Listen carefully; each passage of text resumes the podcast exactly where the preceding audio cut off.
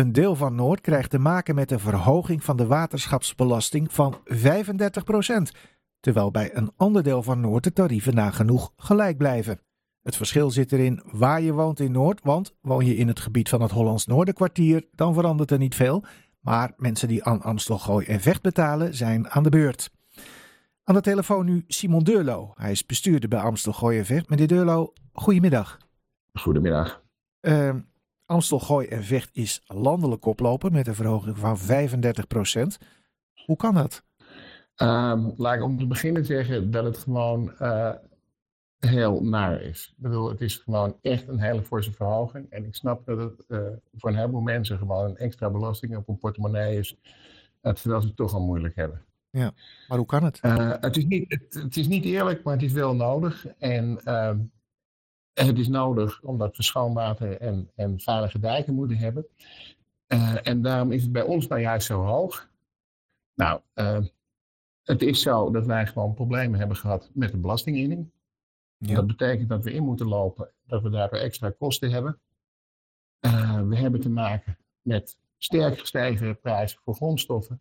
En de eerlijkheid gebied gewoon ook te zeggen dat onze tarieven gewoon eigenlijk de afgelopen jaren te laag waren. Ja. En dat we nu eigenlijk een inhaalslag moeten doen. Nou, laten we dan eerst even over het uh, innen van de waterschapsbelasting hebben.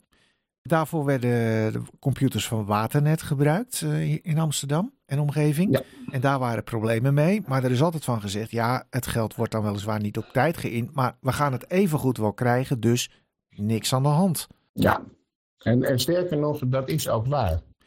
Maar hoe kunt u dan dit als oorzaak noemen?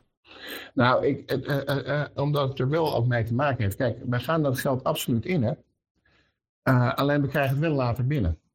Ja. En die belastingen, dat zijn de enige bron van inkomsten die het waterschap heeft. En op het moment dat wij dat geld niet binnenkrijgen, moeten wij geld lenen om te zorgen uh, dat we schoon water houden en uh, veilige dijken. Ja, maar er is een rentestand van 5 of 6 procent. Ja. Uh, daar kunt u dan toch geen verhoging van 35 procent mee verklaren? Nee, maar dat heeft er gewoon ook mee te maken dat we dus altijd die te lage tarieven hebben gedaan. Kijk, Drie jaar geleden was het geen probleem om geld bij te lenen, want toen was de rente bijna nul. Maar tegenwoordig is die rente dus alweer een stuk hoger. En dat betekent gewoon dat we extra kosten maken. En omdat we altijd lage tarieven hebben gehanteerd, hadden we geen reserves meer. Mm meer. En we hebben er nu voor gekozen om dat in één keer goed te maken.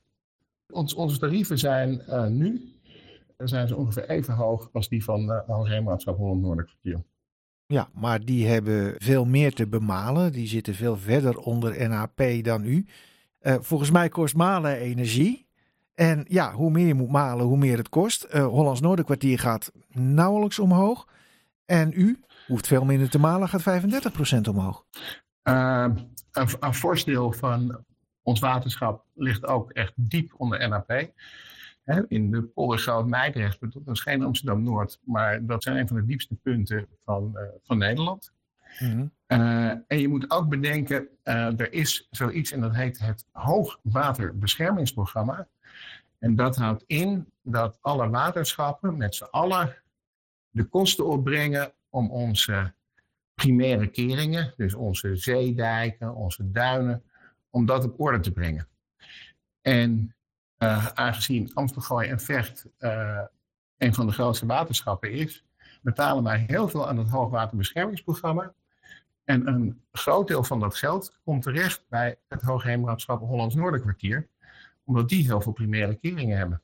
Ja, maar nou kan het gaan gebeuren dat uh, mensen in betalingsproblemen gaan komen uh, met het betalen van de waterschapsbelasting, want ze moeten dan nog achterstallige belasting gaan betalen krijg ook nog eens een verhoging voor een kiezer van ruim 100 euro per jaar. Uh, komt u die mensen nog tegemoet?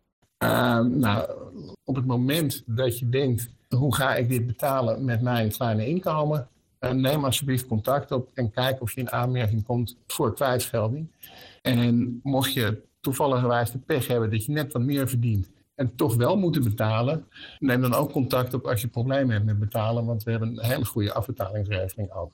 Ja, nu zijn er laatst waterschapsverkiezingen geweest, hè? Ja. En uw partij, de PvdA, heeft toen eh, flink gewonnen. Zeker weten. Heeft dat nog iets te maken met de verhoging?